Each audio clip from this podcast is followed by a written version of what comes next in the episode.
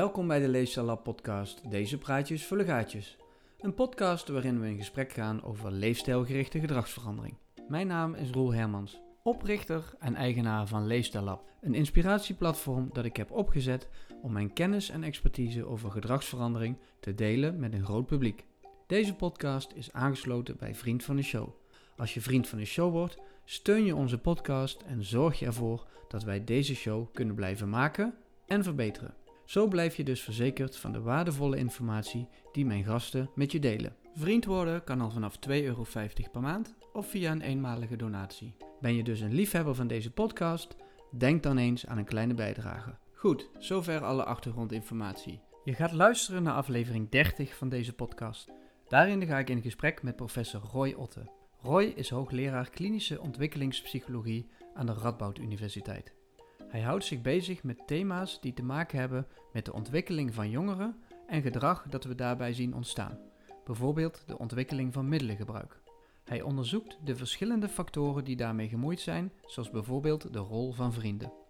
Zijn meer klinische werk richt zich op het testen van nieuwe vormen van behandeling voor onder andere verslaving, depressie en angst bij verschillende soorten doelgroepen.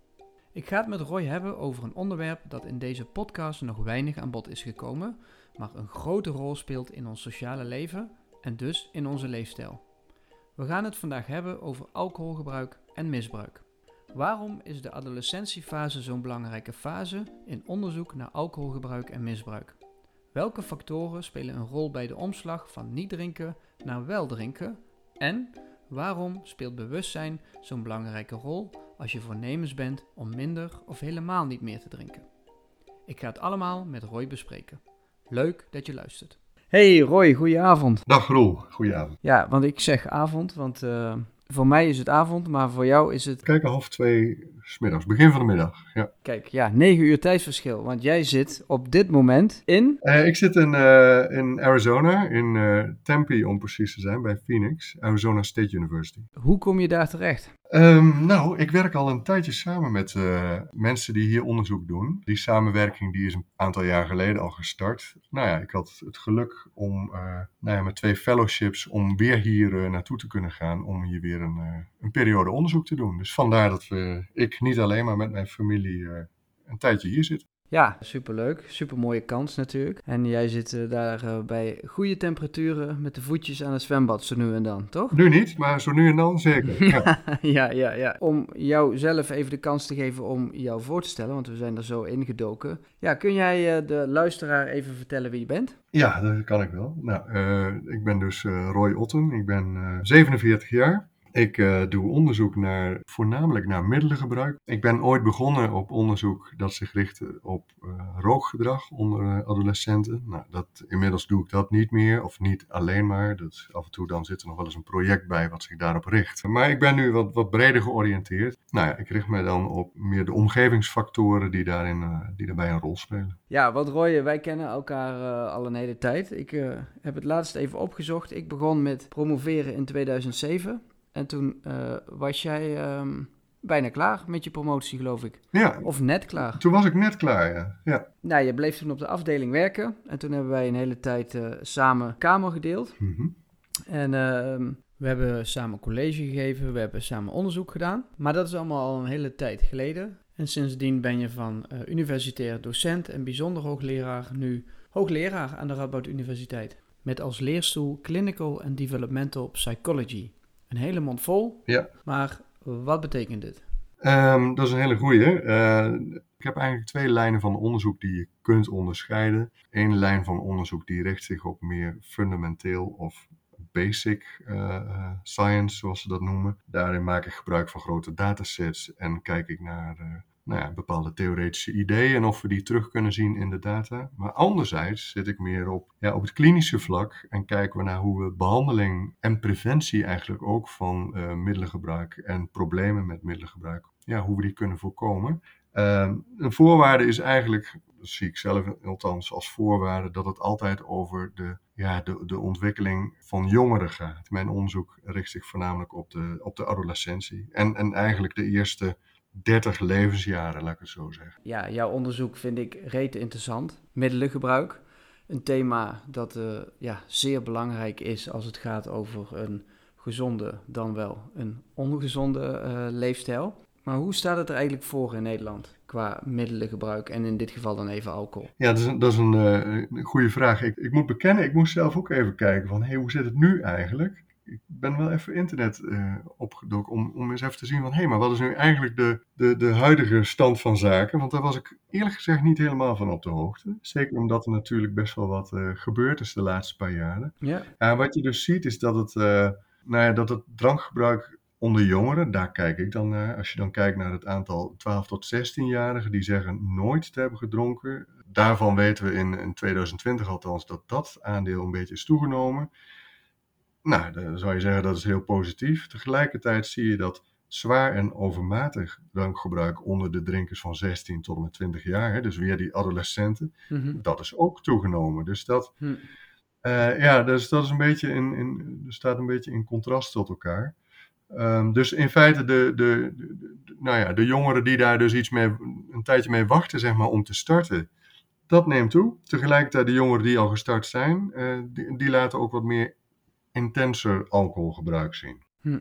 Hm. En um, het alcoholgebruik van volwassenen? Kijk, we weten ook uit onderzoek dat alcoholgebruik op jongere leeftijd dat het een goede voorspeller is, zo niet de beste voorspeller is voor later alcoholgebruik. Ja, ja dus, dus voor, voor mij als, als, als wetenschapper is het heel interessant om om juist op die jongeren te focussen. En als je dan bedenkt van, ja, hoe zit dat dan, dan bij volwassenen? Ja, als je daar iets over wilt zeggen, en zeker op termijn, ja, dan is het belangrijk om toch op die jongeren te focussen. Ja, want um, als we het dan eh, ja, even hebben over die relatie hè, tussen, tussen het drinken van alcohol en de gezondheid. Waar, waar is eigenlijk consensus over, over die relatie alcohol-gezondheid? Uh, nou ja, er is zeker consensus over het, uh, over het idee dat alcohol schadelijk zou zijn. Dat weten we. Mm -hmm. Er is zeker consensus over dat alcohol extra schadelijk is voor, uh, voor jongeren. Zeker omdat het, nou ja, het, het puberbrein nog in ontwikkeling is. Ja. Het brein is nog zeker niet uitontwikkeld. En alcoholgebruik, ja, die verstoort die ontwikkeling. En dat is iets wat, nou ja, wat ook onomkeerbaar blijkt. Hm. Verder, waar consensus over is, ja, het wordt er niet makkelijker op, maar het is een uh, complex web aan factoren. Dus dat web aan factoren dat een rol speelt in de ontwikkeling van alcoholgebruik en ook de ontwikkeling naar zwaar alcoholgebruik. Daarover is men het eens. Ja. We zien wel steeds meer uh, onduidelijkheid over, oké, maar wat speelt nou wanneer een belangrijke rol? Kijk, we weten al een tijdje dat bijvoorbeeld die genetische invloeden, die zijn voornamelijk voorspellend voor, uh, voor misbruik en verslaving. Die zijn wat minder voorspellend voor uh, de eerste fase van, um, van alcoholgebruik en van middelengebruik. Ja, hoe dat zit met, uh, met andere factoren, ja, dan kun je grosso modo kun je zeggen dat die context, dat die juist in die beginstadia heel belangrijk is. Maar ja, dan zijn er natuurlijk heel veel wetenschappers die zeggen van oké, maar hoe, hoe werkt dat dan? En uh, dus dan moet je alsnog in gaan zoomen op die context om erachter te komen van oké, maar wanneer speelt nu wat een belangrijke rol? Je zei net, hè, die, die eerste fase, hè? Ja. Nou, laten we daar dan even op, op richten. Ja. Ja, hoe, hoe gaat dat eigenlijk? Hè? Je bent uh, dus een, uh, een jonge meisje, 13, 14, 15 jaar. je krijgt een, een vriendengroepje waar het een en ander in geëxperimenteerd wordt wellicht. Ja. Ja, wat zegt de wetenschap over hoe alcoholgebruik zich in deze groep ontwikkelt? Welke, ja, welke factoren zijn belangrijk uit dat web? Ik zal niet zeggen dat het op die leeftijd uh, waar jij nu over hebt, of dat dan ook al een rol speelt. Want als je echt op een jonge leeftijd gaat kijken en het uh, doet zich daar al voor, mm -hmm. ja, dan heb je ook te maken met problematisch gebruik. Hè? Ik bedoel, dan, dan hebben we het over heel, op een hele jonge leeftijd. Uh, beginnen met alcoholgebruik. En dan, dat zijn ook weer andere voorspellers die daar iets mee doen. Mm -hmm. Nou, dat speelt bijvoorbeeld de, de, achtergrond, uit welk milieu komt iemand. Dat kan ervoor zorgen dat iemand juist op een jongere leeftijd uh, alcohol gaat uh, gebruiken. Maar als we gewoon naar de, nou ja, laten we zeggen, de, de, de, de, de gemiddelde jongeren gaan kijken, ja, dan is het heel duidelijk dat daar uh, die, die, die peer group, die vriendengroep, die speelt daar een hele belangrijke rol in. Nou ja, de mate waarin men daar open voor staat, wordt bepaald door andere contextuele factoren, zoals de opvoeding natuurlijk, hè? Ja. zoals de beschikbaarheid van alcohol. Als kinderen opgroeien in een omgeving waar alcohol altijd aanwezig was en is, en ook ja, op, op de meest gangbare tijden ook uh, uh, gebruikt wordt, ja, dan, dan zijn dat ook de jongeren die, um, ja, dan zijn dat factoren die ertoe bijdragen dat iemand uiteindelijk eh, alcohol gaat gebruiken. Ja. Nu is alcohol natuurlijk een heel geaccepteerd middel eigenlijk vanaf een bepaalde leeftijd. Dus als je wilt kijken naar ja, hoe zit dat dan, wat is, wat is dan problematisch? Ja, dan moet je gaan kijken naar oké, maar welke jongeren beginnen, jongeren beginnen nu eerder met alcohol? Mhm, mhm. Ja, dan zijn dat ook weer die ja, opvoedingsaspecten spelen daarin een rol. Maar ook, eh, kijk, we zien ook ondersteuning voor het idee dat bijvoorbeeld individuele factoren beïnvloed worden door bijvoorbeeld opvoeding. Ik noem iets als inhibitiecontrole.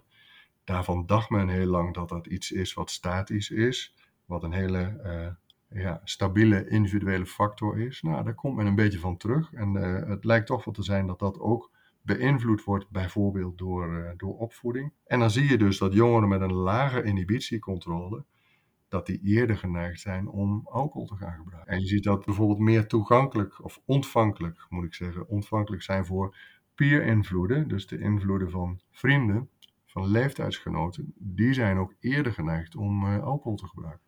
Ja. ja, en inhibitiecontrole, dat wil zeggen de mate eigenlijk waarin die jongeren in staat zijn om hun impulsen te controleren, toch? Ja. Ja, kunnen we ehm, toch niet nog even wat simpeler maken? Eh, en misschien kan het niet, hè? Maar, van, van, maar hoe word ik nu van een niet-drinker, hè? die ben ik tot een jaar of, nou ja, 16 bijvoorbeeld. Mhm. Hoe word ik dan toch een drinker? Ja, dat, nou, daar spelen denk ik, eh, als we het dan, maar dan gaan we het helemaal plat slaan. Ja, Daar spelen een aantal processen een rol. Dat is het brein, het brein dat nog niet uitontwikkeld is. mhm. En, en dan doelen we voornamelijk op eh, nou ja, die controlesystemen die nog niet optimaal werken. Anderzijds, de tegenhanger daarvan zijn ju- is juist de, de behoefte om meer eh, eh, te experimenteren ja. met gedrag aan de ene kant. Dus echt gericht op het brein en het feit dat het brein nog niet uitontwikkeld is. Anderzijds, eh, ja, contextuele factoren. Bijvoorbeeld, laten we beginnen bij de ouders. Als die ouders, er zijn aspecten als monitoring, hè, dus als ouders goed op de hoogte zijn van waar hun kind is, wat hun kind doet, dat zijn hele belangrijke voorspellers voor, eh, voor alcoholgebruik. Mhm. Als, Ehm, als beschermende factor neem ik Als aan. beschermende Ja. factor. Ja, precies. Daarbij komt, dus dan hebben we meer de, de opvoeding, hè? Dus, en dan de, de- dat monitoren van gedrag, dat is een belangrijke opvoedingsfactor. Ja, Maar ouders doen zelf ook iets, hè? dus die laten zelf ook gedrag zien. Ja. Dus als we daarnaar kijken, dan zou je kunnen zeggen, nou, dat middelengebruik, in dit geval alcoholgebruik van ouders, is ook een belangrijke factor. Dus hebben we er weer eentje. Dus dan hebben we dus het brein enerzijds, dan hebben we die contextuele factor die bepaald wordt door de ouders, in vorm van hun opvoedgedrag en in de vorm van hun eigen gedrag, voorbeeldgedrag. En daarnaast hebben we natuurlijk die vrienden die steeds belangrijker worden en waarvan jongeren het steeds belangrijker vinden naarmate ze ouder worden, om daardoor eh, ja, geaccepteerd te worden. En ja, binnen die, die, die vriendengroepen, die netwerken, zeg maar, spelen natuurlijk ook weer bepaalde principes een rol. Zoals eh, ja, hoe geaccepteerd is iemand binnen een groep? Wat is de sociale status van iemand in een groep? Mhm. Welke jongeren zijn juist de, de, degene die bijvoorbeeld alcoholgebruik introduceren binnen een groep? Nou, en dan nog een klein stukje genetische invloed. En dan denk ik dat we de belangrijkste wel, eh, eh, wel te pakken hebben. Ja, en als we dan op die, die eerste fase eh, nog even doorgaan, Ja. ehm, daar hoor je toch ook nog best wel wat misverstanden. Dat ouders bijvoorbeeld zeggen van, nou ja, weet je, ik vind het fijner als ze, ja, ze gaan toch drinken, als ze dat dan bij ons thuis doen. Dan Ja, hebben wij er tenminste controle over, hè? dat monitoren. ja, Dus bijvoorbeeld in de schuur. ja. Ehm, maar zo simpel ligt het niet, toch? Nee, maar is, volgens mij is dit al. eh, er was toen een tijdje sprake van in de. eh, ik weet het nog van de, de, de breezer-cultuur. er was toen zo'n fase waarin het eh, eh, mode was. Ik weet niet of het mode was, maar laat ik dat woord gebruiken. Waarin het mode was dat ouders van die zoete, mierzoete drankjes in huis haalden. zodat ze op een vrijdagavond samen met hun, hun zoon of hun dochter een, een, een breezer konden drinken. Dus dan kregen die jongeren die kregen dan een breezer.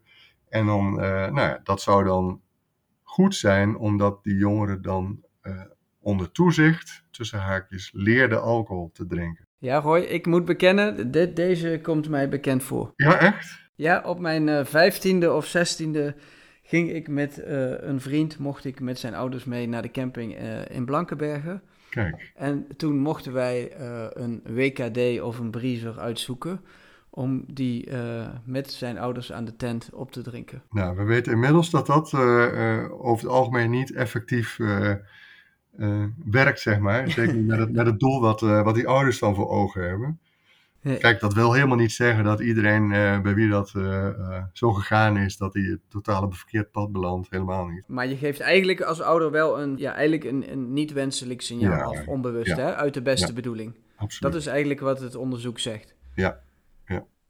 Dat je, dat je dus een bepaalde norm afgeeft dat het oké is om te drinken. Ja, op, op jonge leeftijd. Hè? Dus ik, ik denk eigenlijk als we, en dat zie je ook met de wetgeving natuurlijk tegenwoordig, die, eh, eh, waarbij die leeftijdsgrens opgetrikt is. Ja, ik denk 18. dat dat heel, eh, heel verstandig is. Want, en het zal wel even duren voordat dat helemaal ingedaald is. Maar ik denk dat het verstandig is dat we met z'n allen proberen om die leeftijdsgrens waarop jongeren beginnen met alcohol, dat we die zo ver mogelijk voor ons uitschuiven.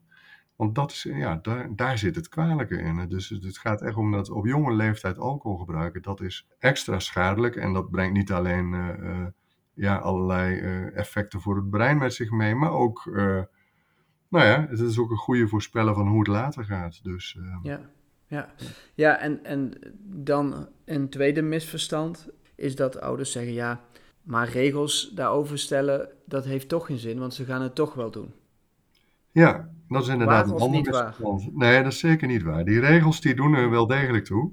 Ja, Maar dat is ook een beetje, en, en ik denk dat dat. eh, het gaat ook een beetje over de cultuur die je als ouders eh, probeert neer te zetten. Dus dan kom ik weer even terug op dat punt wat ik net noemde, bijvoorbeeld het monitoring. Ja, het gaat niet zozeer over dat ten alle tijde maar weten waar je kind is. Het gaat meer Ja. over open ehm, sfeer en, en, en ja, creëer je zeg maar in je eigen huishouden. Dat gaat, volgens mij gaat het daarover. Ja. Daar horen volgens mij ook bij eh, dat je bepaalde eh, regels met elkaar afspreekt. Nou ja, als er een, binnen een gezin een sfeer gecreëerd wordt waarin het heel duidelijk is wat wel en wat niet toegestaan is, ja, dan helpt dat wel degelijk. Als je opeens eh, een gesprek begint met een 18-jarige en je zegt het mag niet, Ja. ja, dan ben je wat laat. Hè? Dan ben je wat laat, maar het is grappig dat je dat noemt, want dit, dit sluit aan op een effect wat wij toen vonden. Eh, als jongeren eh, waren gestart met bijvoorbeeld roken of met drinken, Mhm. dan zag je dat ouders daar meer over eh, gingen praten. En dan zou je de conclusie kunnen trekken van, hé, hey, meer praten daarover zorgt voor meer gebruik. Maar dat is niet zo. Het is juist een, een reactie op dat gebruik. Maar inderdaad, het is belangrijk om daar op, ja, op, op tijd mee te beginnen. Mhm. En, en, en ja, kijk, inmiddels weten we al veel meer en is die voorlichting die is ook al volop aanwezig. Ja. En nu is het denk ik zaak dat die, die leeftijdsgrens die nu een aantal jaren geleden verzet is, dat duurt een aantal jaren voordat dat helemaal ingedaald is en voordat dat ook echt zijn effect eh, gaat laten zien. Ja. Maar ik heb goede hoop dat als dat de norm wordt, dat je dan ook eh, eh, dat alcoholgebruik onder die hele jonge groep, dat, dat je dat ook wel iets terug gaat zien lopen. Ja. Ja. Nou ja, en ik, ja, ik heb toch zelf ook wel een beetje het idee dat, dat die jongere groep toch wel wat bewuster is. En dat die norm toch wel echt aan het veranderen is. Ja. Van eh, niks 18, ja, eh, wij mogen gewoon niet drinken, klaar. Ja. Weet je, schoolfeesten is gewoon geen alcohol. Ja. Betekent soms ook dat dan leerlingen niet meer naar het schoolfeest gaan, want er mag toch niet gedronken worden. Ja. Maar het is wel echt aan het veranderen, de cultuur dan die ik heb meegemaakt, die, die jij hebt meegemaakt. Waarin het echt gewoon de norm was. Ja, die indruk die heb ik ook. Maar ik, ik, moet, eh, ik moet ook zeggen dat ik, ik weet niet of dat zo is. Nee, maar ik deel dat wel. Dat is meer eh, ja, een soort van, van gevoel wat je krijgt als je het, eh, dat er iets anders over gedacht wordt. Ook dat alcohol gewoon wat minder een, ja, daar wordt minder over opgeschept bijvoorbeeld. Ja, misschien, ja. En nou wil ik inderdaad echt niet de indruk wekken dat de, de jongeren van nu eh, lievertjes zouden zijn en allemaal geen alcohol zouden drinken omdat het niet mag van de wet. Daar geloof ik ook niet in, want het zijn natuurlijk jongeren.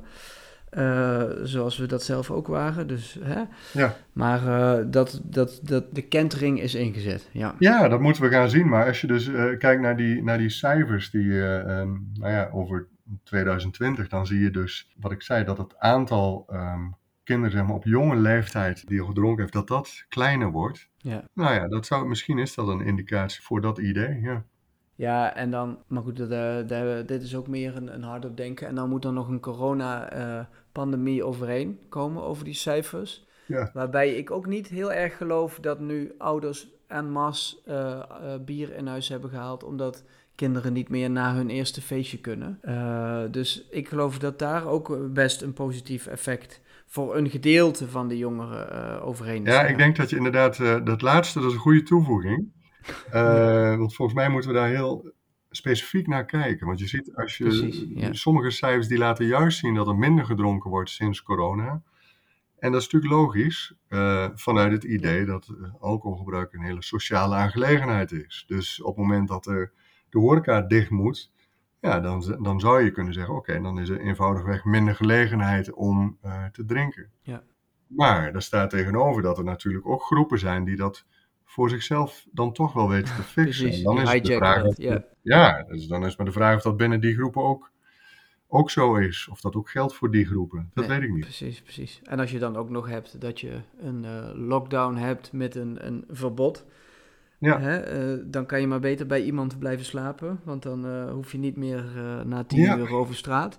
Nou ja, ja, dan kan er natuurlijk sowieso van alles gebeuren. Als je er toch bezig bent de hele nacht dan trek nog maar wat extra glazen open. Ja. Nee, dat, maar het is natuurlijk heel interessant hoe dit zich uh, ja, voortzet. En, en, en hoe dit voortvloeit. En hoe jongeren daar onderling in verschillen. Ja, Roel, maar je ziet wel dat er een, een, een daling is van het, gevallen, het aantal gevallen met alcoholvergiftiging bijvoorbeeld. Hè? dus in, uh, in, in 22 was dat. Ja, oké. Ja, dus dat zegt niet of het over de hele linie nee. ja, per se minder gedronken wordt. Maar dat zie je in ieder geval wel een stuk minder zijn. Ja, ja, ja. Nou ja, wat ik hier zo interessant aan vind is dat hoe jongeren daarin uh, kunnen verschillen, hoe mensen natuurlijk verschillen in gedrag. Ja. Uh, als ik dan even naar mijn eigen situatie kijk, ik ben wat dat betreft relatief laat, denk ik, begonnen met, met uh, experimenteren met alcohol. Denk een jaar of 16, 17. en voordat ik echt begon te drinken, wil, dat wil zeggen dat ik bier een beetje lekker begon te vinden, dat ik dat ook in hoeveelheden kon drinken was ik toch al bijna 19 of 20. Maar ik denk dat iedereen wel iemand kent, zo'n jongen of zo'n meisje die gewoon elke week helemaal laveloos was. Ja, ja. En, en dat vind ik dan zo interessant. Of vriendengroepen die echt allemaal laveloos waren en waar je echt pas punten scoorde als je, uh, nou ja, bij ons had je bijvoorbeeld op een krat kon blijven zitten, oh, zo lang mogelijk. Ja. En wie dan het meeste flessen kon drinken. Uh, en jij denkt dat dat nu niet meer gebeurt? Zeker wel, maar uh, dat, die verschillen vind ik zo interessant. Ja, ja, ja. Waarom zit in, is in de ene vriendengroep zo'n krat zitten, ja, helemaal je van het. En dan zegt een andere groep van, jezus, wat een kneuzen, dat doe je Ja, ja, ja, precies. Ja. Nee, die verschillen die zijn er. En daarom zeg ik van, ja, kijk, die, die meer algemene boodschappen die je op internet ziet over bijvoorbeeld alcoholgebruik onder jongeren, die zijn heel waardevol. Maar uh, ja, als je die wilt vertalen naar, naar een groep, ja, dat wordt wel vrij lastig. Mhm, mhm. Ja, want dan komen we eigenlijk ook wel een beetje aan het, bij het tweede stuk. En dan ga je wel meer richting dat problematisch alcoholgebruik. Ja. Hè? Want sommige mensen, ja, die ontwikkelen zich, en dus ook sommige jongeren, ja. van, van drinker tot problematisch drinken. Ja. Ja, wanneer is er, heel even voordat we daarop verder gaan, wanneer is er nou eigenlijk sprake van problematisch drinken voor bijvoorbeeld het trimbos of de jellyneck? Of... Ja, er zijn, een, uh, er zijn verschillende manieren hoe je daarnaar kunt kijken. En dat gaat gewoon volgens uh, ja, een, een, een, lijstje wat je, een aantal vinkjes die je kunt zetten. Mm -hmm. Maar om even, even in te gaan op dat problematisch drinken, is wel grappig. We zijn hier in, uh, in, in Amerika, hebben, zijn we met een studie bezig, hebben we net afgerond.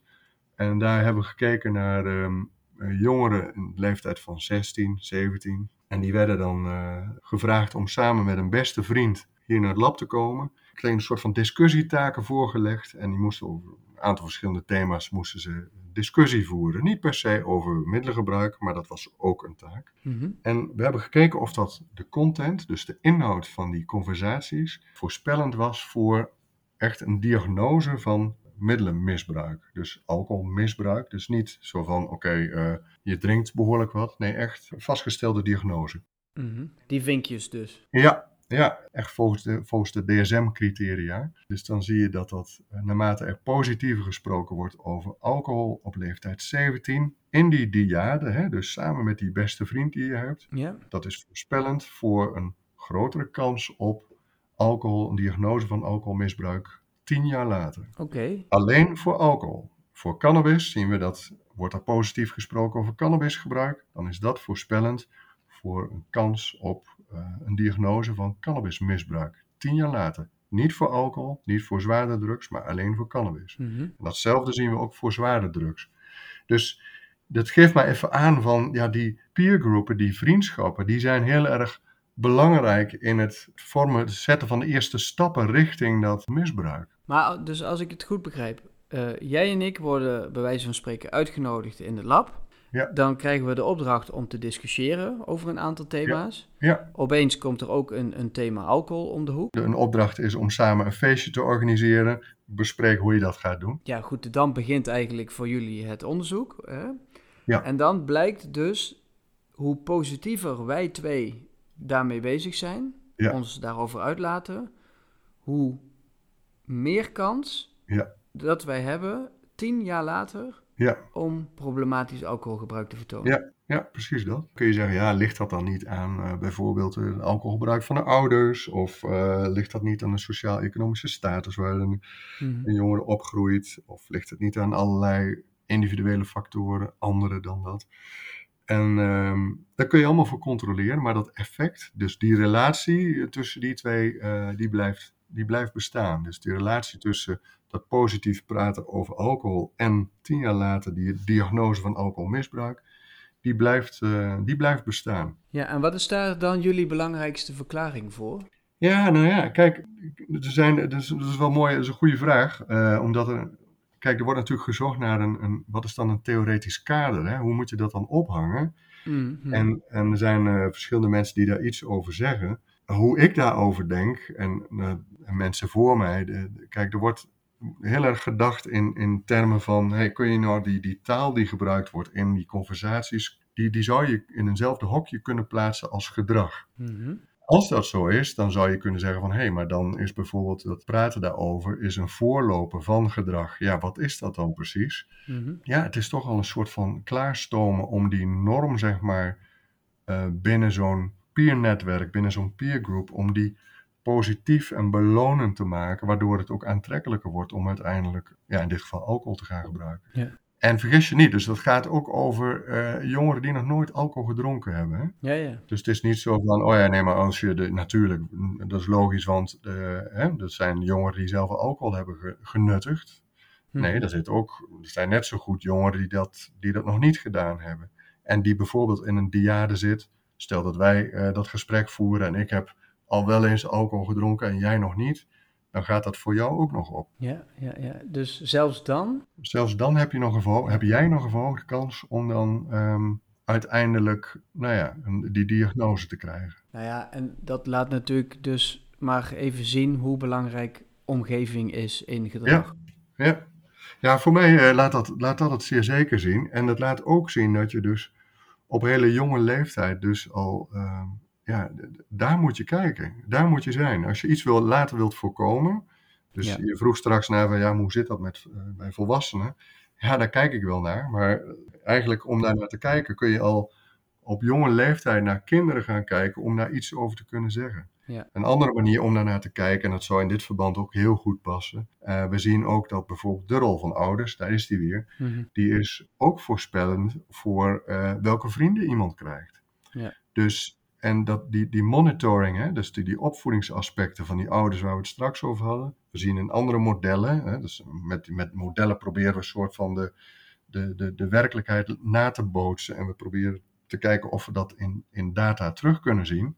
En dan zie je dat de mate waarin ouders dus die monitoring gebruiken als een van de opvoedingsstrategieën, dat is voorspellend voor, komt zo'n jongere terecht in een omgeving van vrienden waarin het normaal is om alcohol te gebruiken. Dus daar hebben die ouders ook weer een rol in. Mhm, mhm, Precies, ja. Dus ja, kijk, dan, en als je dat dan allemaal samenpakt, ja, dan heb je in feite, ja, dat noemen ze dan cascademodellen, waarin het één, bijvoorbeeld op jonge leeftijd iets, dat zet weer iets in gang wat, wat je tijdens de adolescentie kunt meten, et cetera, et cetera. Ja, en wat daar, dat schiet me nu te binnen, wat dan natuurlijk ook nog zo is, is dat alcohol, volgens, die, eh, volgens een hypothese, ook wel weer het, e- het andere middel in gang kan zetten. Hè? Ja, dat klopt. Dat is de, de gateway-hypothese. Ja, En dat is een hypothese die, ja, de mensen kwamen daarmee ehm, in de jaren 80, begin jaren 80. En eh, daar is ook best wel eh, best wel wat ondersteuning voor gevonden. een aantal jaren geleden hebben wij ook gekeken van god, hoe werkt dat nu als je daar ook weer die, die vriendengroep, die peers aan toevoegt. En dan zie je dat het, dat het in heel veel van de gevallen dat het juist die peers zijn die eigenlijk die gateway, hè, dus die, die Mhm. poort vormen zeg maar, naar zware middelengebruik. En zonder die peers, ja, dan is maar de vraag of dat gebeurt. Ja, ja. Dus heel veel van die modellen, en ik bedoel, onze modellen hebben dat net zo goed. Heel veel van die modellen die, ja, die zijn incompleet. En die laten niet het gehele plaatje zien. Dus als je kijkt naar bijvoorbeeld die gateway-hypothese, dan kun je nog steeds kijken naar van oké, maar wat is het dan dat bijvoorbeeld de, de stap van cannabisgebruik naar zwaarder middelengebruik, wat is dan wat die, hè, wat, wat die, die, die kans zo groot maakt? Dat, dat iemand eh, van cannabis de overstap maakt naar bijvoorbeeld cocaïne. Hm, hm. En als je ja, bijvoorbeeld in die, in die studie die ik net beschreef, hè, waarin we dus kijken naar die gesprekken tussen jongeren en, en naar de mate waarin dat voorspellend is voor alcoholmisbruik later, dan kun je ook zeggen van ja, nou, er gebeurt in die tien jaar gebeurt van alles en nog wat. Dus dan moet je daarna gaan kijken. Wat gebeurt er dan in dat proces eh, waardoor die, die, ja, die, die verhoogde kans zeg maar, in gang gezet wordt? Ja, en dat vereist dat je hele grote, rijke studies op moet zetten om daarnaar te kunnen kijken. Ja, en dat is eigenlijk ook een van de redenen dat je nu in Amerika bent, is dat je die studie Ja. niet hoeft op te zetten, want die data ligt daar. Nou, Roel, die studie die kunnen we niet eens opzetten, al hadden we het gewild. Daar is in Nederland helemaal geen geld voor. Als je ziet dat eh, bijvoorbeeld die datasets waar ik hier gebruik van maak, ja, gaan, eh, dat, is, dat is een product van miljoenen dollars Ja, en eh, nou, soms wel 30 jaar. Eh, ja, kijk, en die studies die, ja, die worden gewoon in gang gehouden eh, door de overheid en door goede onderzoeksvoorstellen die daar eh, aan ten grondslag liggen. Ja, om dat opnieuw op te zetten, dat is, eh, in Nederland is dat niet, eh, Nee. niet te doen. Er zijn wel een aantal longitudinale studies die lopen, maar het is heel moeilijk om dat in Nederland om dat op te zetten en om dat gaande te houden. precies. En maar wat ik ook wel fascinerend vind, daar hebben wij wel eens over gehad, is dat jij door de rijkheid van de data ook al die patronen kunt Ja. eh, zien, omdat er dus ook heel veel mensen zijn die dus daar heroïne, cocaïne, allerlei soorten drugs gebruiken. Waardoor je dus ook die paden kunt volgen. Want er moet wel eerst een pad zijn, wil je er iets over kunnen zeggen. Maar dat zit allemaal in die data daar. Dat klopt. Dat, maakt, dat is ook een beetje de schaalgrootte van de VS natuurlijk. Ja, Eh, kijk, als die, die studies die hier opgezet zijn, die worden specifiek opgezet bijvoorbeeld in de, de risico, eh, op de risicoplekken. En de mensen die deelnemen aan die studies, die worden daar ook voor betaald. Ja. In Nederland wordt dat, ja, kijk, die zou in Europees verband zou je dat prima kunnen doen. Zou je dat alleen in Nederland doen, ja, dan heb je in, simpelweg niet voldoende eh, schaalgrootte om dat echt goed op te kunnen zetten. nee. Kijk, als ik hier bijvoorbeeld kijk naar bijvoorbeeld eh gang membership, hè, Ja. eh, deelname aan, aan, een, aan een bende. Ja, dat, dat zit in deze datasets. En in Nederland, eh, ja, als je gewoon een, een Ja. longitudinale studie op zou zetten, ja, dan zou je dat niet meer terugvinden. Nee, precies, precies. Nou ja, en, en wat je dus zei, al die verschillende drugssoorten die gebruikt worden. Ja. Eh, Ja. en, en niet door één iemand die dan eh, zeg maar het enige kid of de town is, zeg maar, die toevallig. maar daar zitten er gewoon honderden, duizenden aan de zware Ja. middelen. Ja. Ja, nee, dat klopt. Ja. ja, want dan zitten we dus echt in die problematische hoek. Daar heb je dus nu ook allemaal eh, data eh, van die je kunt gaan kan onderzoeken. Eh, nou, problematisch alcoholgebruik, simpel volgens de DSM. Aantal vinkjes, dan, dan klassificeer je daarvoor. Maar we hebben het ook over verslaving vaak in de volksmond. Ja. Alcoholverslaving. Ja. Is dat dan net iets anders dan problematisch alcoholgebruik of is dat eigenlijk hetzelfde? Ja, dan gaan we echt de definities in. Eh, nee, je hebt verschillende, er wordt onderscheid gemaakt tussen eh, bijvoorbeeld middelenmisbruik, eh, middelenafhankelijkheid, verslaving. Ja. En dat zijn allemaal verschillende gradaties eigenlijk, Ja. die, je kunt, die je kunt vaststellen. Ja. Op basis van bijvoorbeeld een DSM. Precies. Nou, en ik hoor aan jou dat jij geen zin hebt, en dat hoeft ook helemaal niet, om die, eh, om die definities nou eens even allemaal lekker op te gaan zitten lezen, right? Ja, dat heb je goed. nou, zo ken ik je ook wel een beetje. mooi, mooi. Eh, maar het is wel belangrijk om te weten dat er dus wel degelijk verschil tussen zit. Ja, nee, dat zit er zeker, ja. Ja, Ja. Maar, maar nogmaals, kijk, eh, ik ben daar ook, ik ben daar wel degelijk in geïnteresseerd. Maar Mhm. ik ben meer geïnteresseerd in het, in het proces wat, wat daar naartoe leidt. Ja. En als je kijkt naar het proces wat daar naartoe leidt, dan gaat, dan gaat het over andere dingen. Dan gaat het bijvoorbeeld over de leeftijd eh, wa- waarop je je eerste eh, alcoholische drankje nuttigde. Mhm. Of eh, bijvoorbeeld de frequentie waarmee je al- alcohol nuttigt op een bepaalde leeftijd. En dat zijn dan andere maten die heel veelzeggend zijn over het verdere verloop van je, nou ja, noem het maar even alcoholcarrière, zeg maar. Ja, ja. ja, want Roy, wij hebben in het verleden, en jij doet dat nog steeds, wel eens samen eh, college gegeven hè, over eh, Mhm. middelengebruik en eh, ook obesitas. Ja, En in de loop der jaren is men toch wel vanuit de theorie, vanuit modellen, anders gaan denken over verslaving. Hè? Dat, dat heeft wel een ontwikkeling doorgemaakt. Ja. Kun je een beetje beschrijven hoe dat gegaan is? Ja, op dit moment nog steeds het meest gangbare model is dat eh, eh, verslaving een, een gevolg is van, eh, ja, van, een, van een hersenziekte eigenlijk, van een, een ziekte in het brein. Mhm. Het feit dat dat zo gezien wordt, dat heeft, dat heeft voordelen. Ja. Ik bedoel, ja, je kunt daar, er is ook een tijd geweest dat men daar anders over dacht, hè, dat het een keuze was bijvoorbeeld. Nou ja, je kunt je wel iets bij voorstellen dat dat niet Bevorderlijk is. per Nee. se heel Nee. positief is voor de mensen die, die daarmee te kampen hebben. Maar het heeft ook wel nadelen.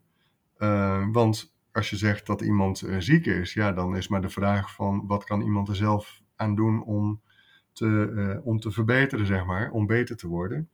En er is op dit moment een hele, nou, best wel felle discussie gaande tussen mensen die zeggen van nee, eh, verslaving is het gevolg van een, van een ziekte. En dan zit je meer in het kamp van eh, bijvoorbeeld Nora Volkov. Dat is de meest vooraanstaande onderzoeker naar eh, verslaving hier in de, in de VS. En zij gaat over de verdeling Mhm. van miljarden dollars aan eh, onderzoeksgeld. Ja. En anderzijds heb je een school die zegt van nee, verslaving is niet het gevolg van een, eh, van een ziekte, maar is eigenlijk een uit de hand gelopen vorm van leren. Ja.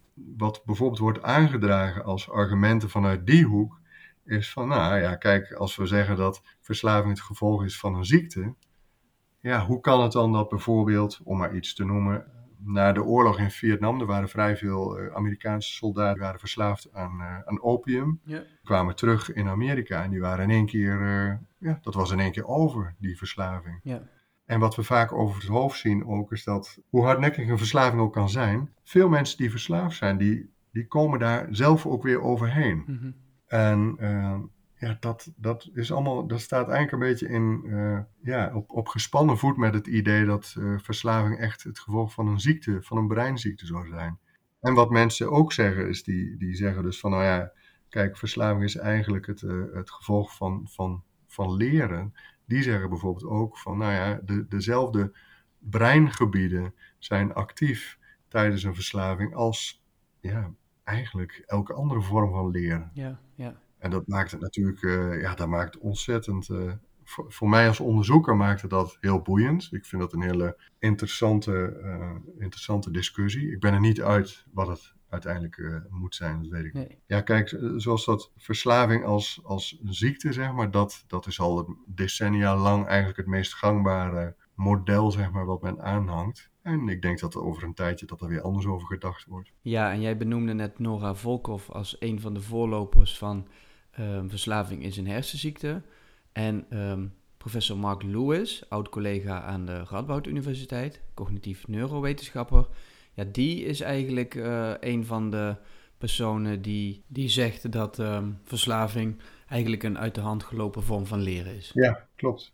En hij heeft daar ook twee ehm, ja, boeken over geschreven. Nou ja, en die boeken die zijn ontzettend boeiend om te lezen. Wat hij bijvoorbeeld ook zegt is van, nou ja, er is in feite eh, is er sprake van een soort van spiraal, zeg maar, waar je in terecht komt op het moment dat zo'n verslaving gaat spelen. En waarbij dus eh, eigenlijk allerlei belangrijke factoren in je leven steeds minder eh, belangrijk worden, omdat dat verslaving als concept in je leven steeds meer en meer belangrijk wordt. Mhm, mhm. En daar zit ook weer dat leren zit daarin. En ehm, ja, ik vind dat een hele interessante theorie. En ik ben, ja, kijk, ik ben heel, heel benieuwd hoe dat, eh, ja, hoe, de, hoe dat verder zich ontwikkelt. De ondersteuning, zeg maar, voor dat idee, die is veelal afkomstig van eh, meer de, ja, de, de neurostudies, zeg maar. Hè? Dus echt de, de studies bijvoorbeeld in, met eh, behulp van fMRI gedaan. Ja. En ik denk dat het tijd is dat, dat we dat soort theorieën ook gaan proberen te toetsen door meer te kijken naar gedrag. Hoe ziet dat gedrag er dan uit? Als dat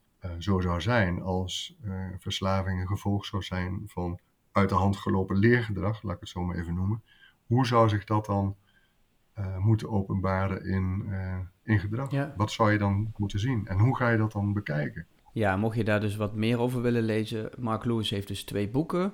Uh, Memoirs of an Addicted Brain en uh, The Biology of Desire. Kijk, als we daar uh, wetenschap van willen maken, ja, dan moeten we die theorie natuurlijk uiteindelijk ook gaan toetsen. Ja. kunnen toetsen. Ja. Kijk, een, een heel erg terugkomend thema als het gaat om leefstijl, maar ook op social media, is hè, stoppen met drinken of minderen met drinken.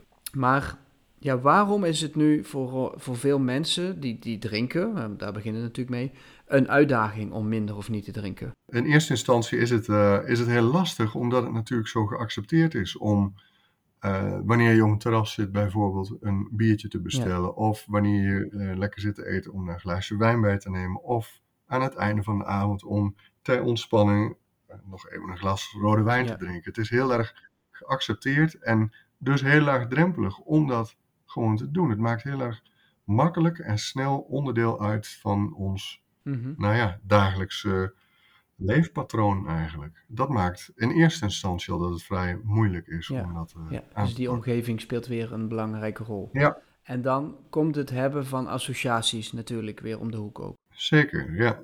Nee, dat, nee kijk, uh, op het moment dat je, nou ja, ik bedoel, dat, dat, dat weet je ook. Op het moment dat je op een terrasje zit, samen, dan is die dan is die associatie die is heel makkelijk gelegd met, oké, okay, een, met een koud wit biertje. Ja. En um, als je daar iets mee wil doen, dan zou ik zeggen, probeer je bewust te zijn van hoe die patronen werken. En, en, en ga dat bewustwordingsproces, ga dat ook niet uit de weg. Op het moment dat je daar iets mee wil doen, uh, ja, houd, houd voor de gein eens bij van, ja, wanneer doe ik dat nou eigenlijk?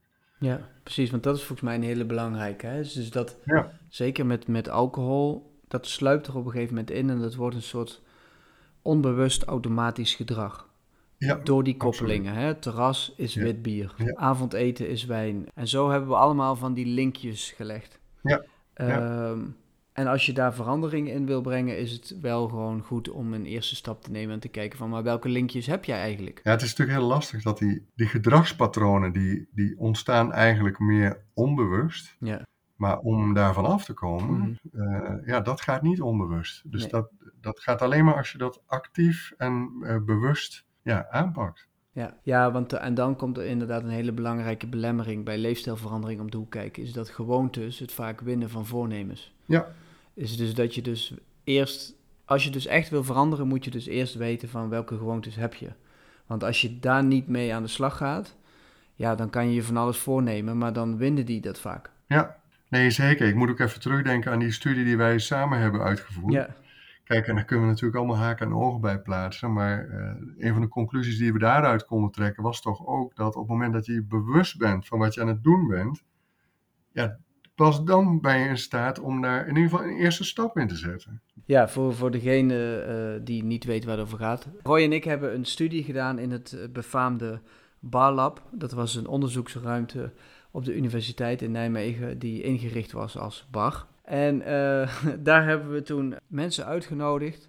En eerst hebben we ze een cognitieve taak laten doen, of een, een neutrale taak. Ja, en die studie vertrok eigenlijk vanuit het ego-depletion model, waarbij gezegd wordt dat, nou ja, wilskracht is een spier, die spier vermoeit en dan eh, ben je die wilskracht eigenlijk kwijt. Ja. En dan is het eh, lastig om je gedrag te reguleren. Ja. En ons idee was eigenlijk, nou, hoe werkt dat eigenlijk met alcohol? Is het zo dat als je mensen een hele, eh, nou ja, ingewikkelde taak laat doen, zouden ze daarna dan gaan drinken? Dat vonden we eigenlijk. Hè? Ja. Eh, die mannen die, die eigenlijk cognitief vermoeid waren, die gingen drinken. Maar wij waren eigenlijk met name benieuwd van, kun je dat dan ook hijacken? Ja, Kun je er iets aan doen om dat te stoppen? En eigenlijk was onze oplossing heel simpel. Nou, laten we gewoon die mannen opschrijven wat ze hebben gedronken. onder het mom van dat moet, dat hebben wij nodig voor de studie. Ja, Precies, voor de declaratie. Jullie mogen best bier drinken hier, gratis. maar jullie moeten wel even dit briefje bijhouden, want dan kunnen wij dat weer indienen. ja, maar dat werkte dus eigenlijk heel goed, hè? Ja. Dat, dat, zorgt, dat geeft toch weer dat stukje controle terug. Absoluut. Dus, dus... En, en, en ja, dan kan je dus even uit die automatische piloot stappen, waarbij je eigenlijk onbeperkt begint te tanken. Kijk, maar dat hele verhaal van die, van die zelfcontrole als, als een spier, kijk, dat is al een beetje achterhaald. Hè. Daar is behoorlijk wat uh, kritiek op ook. Over te doen. Hoewel ik wel denk dat mensen uh, nog steeds, als mensen vermoeid zijn en zo, dan, dan ben je wat minder goed in staat om, om bijvoorbeeld nee te zeggen. Ja. Um, wat we wel heel duidelijk bewust zijn, ik, daar geloof ik wel in. Ja. Kijk, het maakt natuurlijk nogal wat uit als je gewoon, um, als je continu wordt herinnerd of gewezen wordt op je hoeveelste drankje dit is, ja, dan, dan creëer je in ieder geval een bewustzijn. En dat bewustzijn, daarvan weten we ook uh, voor deze studies al, daarvan weten we al dat dat een, uh, ja, een, een, een preventief effect, een remmend effect ja. heeft. Dus dat is sowieso goed. Precies, ja. En, ja. Dus Kijk, dus van die, dus van die ideeën van uh, voor jongeren van, uh, kijk, uh, betaal, weet ik veel wat, 20 euro en entree en, en, en klaar ben je. Ja, dat werkt natuurlijk niet goed. Ik bedoel, Nee. dan, dat, ja, dan werk je al het bewustzijn wat ook maar enigszins aanwezig is, dat werk je dan al tegen. Precies. Dus dat zijn, ja. Nee, en, en zo'n telefoon hè, of zo'n Apple Watch die je maar overal tegenaan hoeft uh, te houden en je betaalt, is ook nou niet Ja. het meest uh, fijne Nee, middel om je bewust te zijn van hoeveel geld ben ik eigenlijk uit aan het geven Nee. uh, aan alcohol. Nee, dus, uh, nee, daar geloof ik dus nog steeds Ja, in. zeker. Dus uh, ondanks dat het al een aantal jaren geleden is, geloof ik nog steeds in het principe dat je dat dat bewustzijn dat dat een eerste stap is. En tegelijkertijd zie ik ook wel in dat, ja, bedoel, daarmee ben je er niet. Nee, precies. Nee. Dus, um, ja. nee, maar het is inderdaad wel, zeker als het over leefstijlverandering gaat, is van hey, um, hoe doe ik het in vergelijking bijvoorbeeld met de adviezen? Of Ja. wat zijn mijn patronen? Of waarom doe ik de dingen uh, uh, zoals ik die doe? Ja. Uh, en dat opschrijven in een dagboek om daar Ja, uh, later een patroon in te herkennen. Exact. Ja, dat is wel hetgene wat de succesvolle gedragsveranderaars onderscheidt van de minder succesvolle mensen. Ja, dat, dat geloof ik wel, ja. ja. En of dat nu met gewicht is of met, met, met, Ja. Met uh, alcohol. En op het moment dat je dat inzicht hebt en dat bewustzijn hebt, dan kun je daar iets mee gaan doen. Heb je dat niet, uh, maar heb je wel een soort van vaag idee over wat je patronen zijn, ja, dat is denk ik niet genoeg. Je zult daar actief uh, met dat bewustzijn aan de slag moeten. En ja, dan kun je ook een eerste stap maken om het te gaan veranderen. Ja, en de, jij gebruikt ook het woord monitoring uh, toen straks. Ja, dat is natuurlijk ja. ook wat je doet, je eigen gedrag monitoren. Of Ja. het nou met een wearable is of met een app. Uh, of dus met dat briefje, zoals Roy en ik het Ja. in die studie deden. Ja, dat zijn allemaal manieren hoe je controle houdt over je gedrag. Het enige wat hier natuurlijk wel interessant is, is waar zorgt alcohol voor? Ja, dat er juist minder monitoring gaat optreden naarmate je meer gaat drinken. Ja, nee, dat- Uh, dus dus de, die controle neemt af. jij bedoelt meer in de, kro- in de kroeg zelf. Ja, precies. Dus kijk, dus het, het, het problematische met alcohol natuurlijk is, is dat je je voordat je naar de kroeg gaat van alles voorneemt, van vanavond ga ik minder drinken. Maar als je daar dus niet bovenop zit, zeg maar, met je eh, reflectieve systeem, met je bewustzijn, ja, Ja. dan is na één, twee biertjes, eh, begint die alcohol ook zijn werk te doen Ja. in de gezelligheid. Ja, Ja, dan is het wel een glijdende schaal om dan nog eens te gaan beginnen met, oh ja, absoluut. Eh, ja. Nee, dat denk je ik moet ook. daar dus Dat echt voordat je in die situatie komt, moet je daar al mee bezig Maar zijn. dan moet ik zeggen, we hebben ooit een keer een, een andere studie gedaan met eh, collega's in Zwitserland, waarbij we dat dus wel gedaan hebben. Hè? Dus dan kregen mensen elke, om een aantal uren kregen ze een, een, een prompt, een berichtje op hun telefoon om even aan te geven hoeveel ze gedronken hadden. Ja, op zich werkt dat best Ja. wel. En dan creëer je ook weer zo'n bewustzijn. En we weten van onderzoek dat deelname aan, aan dat soort studies, dus alleen al het krijgen van zo'n berichtje, dat, dat doet al iets. Het, het maakt je super zelfbewust en dan gaat de lol er wel vanaf. Nee, maar dat is, nee, maar dat is de andere stap. Hè? Ik bedoel, ben je, ben je ook gemotiveerd om te veranderen? Als je echt wilt veranderen, dan, dan, oké, dan ben je dus ook gemotiveerd om daar iets voor te doen. Ja, en als je dat niet bent, dan is het echt een hele hinderlijke onderbreking. Denk je, ja, laat me met rust. Dat denk maar ik dan nog, dan nog heeft het dus effect. Ja. Dat is dus wel Ja. interessant. Is dus dat Ja. ja. je houdt mensen eigenlijk gewoon op die manier een spiegel voor.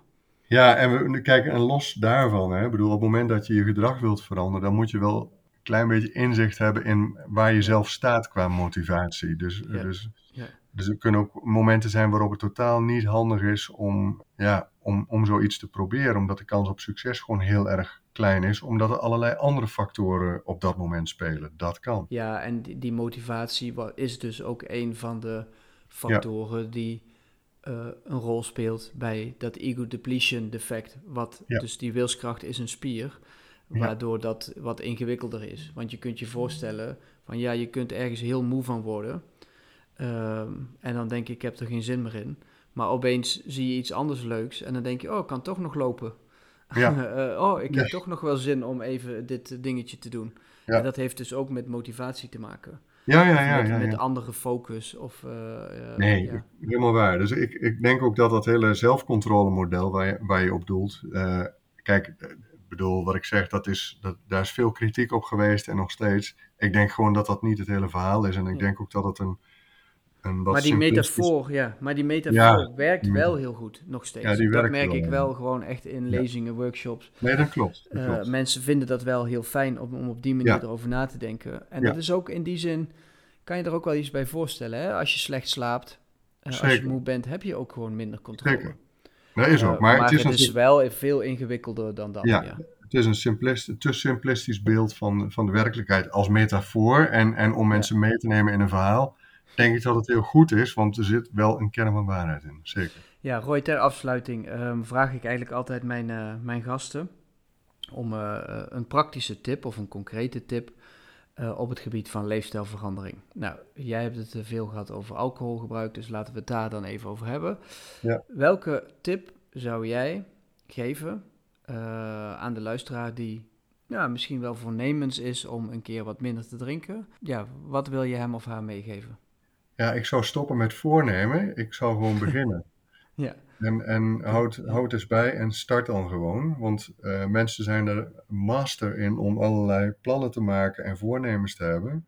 Uh, maar ja, de, de eigenlijke stap zit hem in het, ik ga nu beginnen. En dat is, uh, ja, kijk, maar, ja, dat is een beetje psychologie van de koude grond, zeg maar. Maar ik denk wel dat dat, dat het cruciaal is. Ja, en hoe maak je dat gewoon beginnen het makkelijkste? Maak, uh, stel voor jezelf uh, haalbare doelen. En maak ook heel duidelijk van, oké, dit is wanneer ik ga starten. Mhm. En dit is wat ik wil bereiken. Het moet gewoon haalbaar zijn. En dat moet een, eh, een, een, een doel zijn wat ook zichtbaar is. Dus jij zegt eigenlijk gewoon doen. Begin eraan en nou ja, nog heel even voordat je dan begint, maak een plan met realistische, concrete doelen en ga dan gewoon aan de slag. Word, word eens zelfbewust van je eigen gedrag. Dat is altijd goed. Um, en maak op basis daarvan een plan. En een plan wil zeggen een moment waarop ik begin en ook een moment waarop het misschien weer stopt en een doel waarnaar je toe wil werken. Ja. En dat doel moet heel concreet zijn. En zorg ook dat je daarvoor beloond wordt. Hè? Ik bedoel, eh, leg, leg ook iets in het verschiet. Ik bedoel, ja. je mag jezelf best belonen om, uh, omdat je iets... En dan kan je nog denken aan een instant beloning. Uh, ja. Dan wel een uitgestelde beloning. Ja. Uh, maar vergeet vooral ook niet die instant beloning. Dus, uh, ja, dat denk ik ook. Ja. Want soms denken mensen, oh ja, dan ga ik, uh, als ik dat dan een maand vol heb gehouden, dan mag ik iets kopen. Ja, ja. dat werkt niet echt. althans, het nee, is ja, leuk als je dat voor jezelf helemaal kunt volhouden, maar ook hier laat de statistiek wel een klein beetje zien van, nou, dan haken mensen af, want dan, ja, het duurt te lang voordat ik dat ding nog krijg. Precies, en we kennen allemaal die oefeningen wel die bijvoorbeeld op een app uh, te volgen zijn. En dat doe je een week en daarna dan denk je, nou ja, weet je, laat maar. Ja, ja dat is niet handig. Nee, nee dus je moet het uh, niet drinken dan ook leuk maken. Dus dat mindere met drinken, dus dan moet je dat ook zo leuk mogelijk voor jezelf maken. Nou ja, daar, daar weet jij denk ik meer van dan ik. Dus, uh... Niet drinken leuk maken? Nou, dat weet ik niet of ik dat, uh, of ik dat heel goed kan. Nou ja, ik, ik ben in ieder geval wel een aantal alcoholvrije biertjes aan het proberen geweest. Nou ja, dat is wel leuk, ja. Als het gaat over gedragsverandering, ja, kijk, dan, dan, dan is daar, ik bedoel, dan, dan zit daar denk ik een, uh, ja, daar is nog zoveel te halen, zoveel te winnen. Ja. En, en ook, ook uh, laaghangend fruit, hè? dus ook met eenvoudige trucjes die je kunt, uh, kunt gebruiken, denk ik dat je je gedrag makkelijk iets bij kunt sturen. Ook als je niet voornemens bent om enorme veranderingen te gaan doorvoeren, maar wel nou ja, misschien wat, wat meer opletten, wat, net of wat minder. Nou ja, dat kan. Precies, precies. Dat hoeft niet zo moeilijk te zijn. Nee, en vooral als je, precies wat jij zegt, als je dat doet van een kleine verandering is ook een verandering. Eh, Ja. Zeker op dit gebied. Hè? Mensen zeggen dan, oh ja, ik ga meteen eh 40 dagen niet drinken. Nou ja, heel top als je dat doet in zo'n challenge context. Maar gewoon probeer eens, hè, eh, als je het patroon hebt om elke woensdagavond bij wijze van spreken te drinken. Probeer dat eens te veranderen. Ja. En dan zul je al zien dat dat gewoon echt al moeilijk is om dat bijvoorbeeld vier woensdagen achter elkaar vol te houden. Omdat dat dan die momenten die zo ingebakken zijn in je systeem. Ja. Maar dat is ook al een verandering. Ja, Nou, precies. Die patronen die eh, onbewust ontstaan, die je alleen maar bewust kunt doorbreken. ja en dan mensen willen het ze graag zo groot maken. Ja, Het moet, het Ja. moet levensomvattend zijn. En, eh, daar heb ik ook wel van geleerd. ja, dus je drinkt ook nog gewoon eh, zo nu en dan. Het is vandaag eh, woensdag, toch? ja, precies. Normaal zitten we dan altijd samen, toch? Ja, Ja. ja. Ik zit nu gewoon met een glas water, helaas. Ja. Ja. Roy, ehm, ik wil je enorm bedanken voor, eh, voor je aanwezigheid. ja graag gedaan. Leuk eh, om naast eh, alle andere praten ook nog even een, een podcast op te nemen. Want we Ja. hebben natuurlijk heel vaak contact, maar nooit met de, met de microfoon aan. Nee, Dus, inderdaad. Nee. Fijn dat je tijd wilde maken. Ik vond het leuk om, leuk om te doen, dus ik hoop dat je er iets, iets aan hebt. Ja, zeker. Ik ga Ja. er iets moois van maken en eh, ik wens jou een hele fijne middag nog. Check. Hey, fijne avond. Hè. Hey, yo. Groetjes. Hey. Hoi, hoi.